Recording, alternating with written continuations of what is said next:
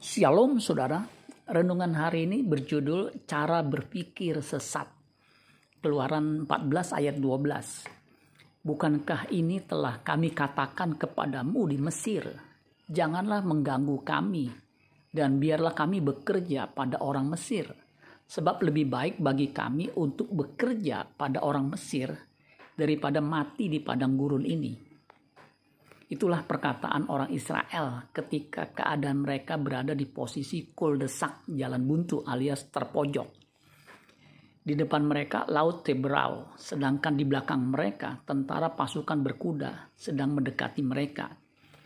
Di posisi tersebut mereka berkata lebih baik jadi budak di Mesir daripada mati di padang gurun. Ini yang disebut kesesatan berpikir Selain itu, sikap bersungut-sungut tersebut tanda mereka tidak beriman. Pada faktanya, mereka berjalan menembus Laut Tebrau dan pasukan Firaun binasa di tengah laut yang baru saja mereka lewati. Orang yang terdesak sering berpikir sesat atau salah.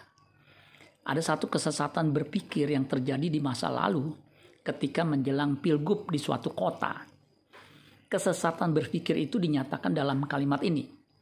Lebih baik punya pemimpin yang seiman meskipun korupsi daripada punya pemimpin yang jujur tapi tidak seiman. Mengapa bisa terjadi kesesatan berpikir? Karena mereka tidak memiliki cara berpikir yang benar. Untuk memiliki cara berpikir yang benar, seseorang harus mengkonsumsi kebenaran firman Tuhan terus-menerus. Amin buat firman Tuhan. Tuhan Yesus memberkati. Sola Gracia.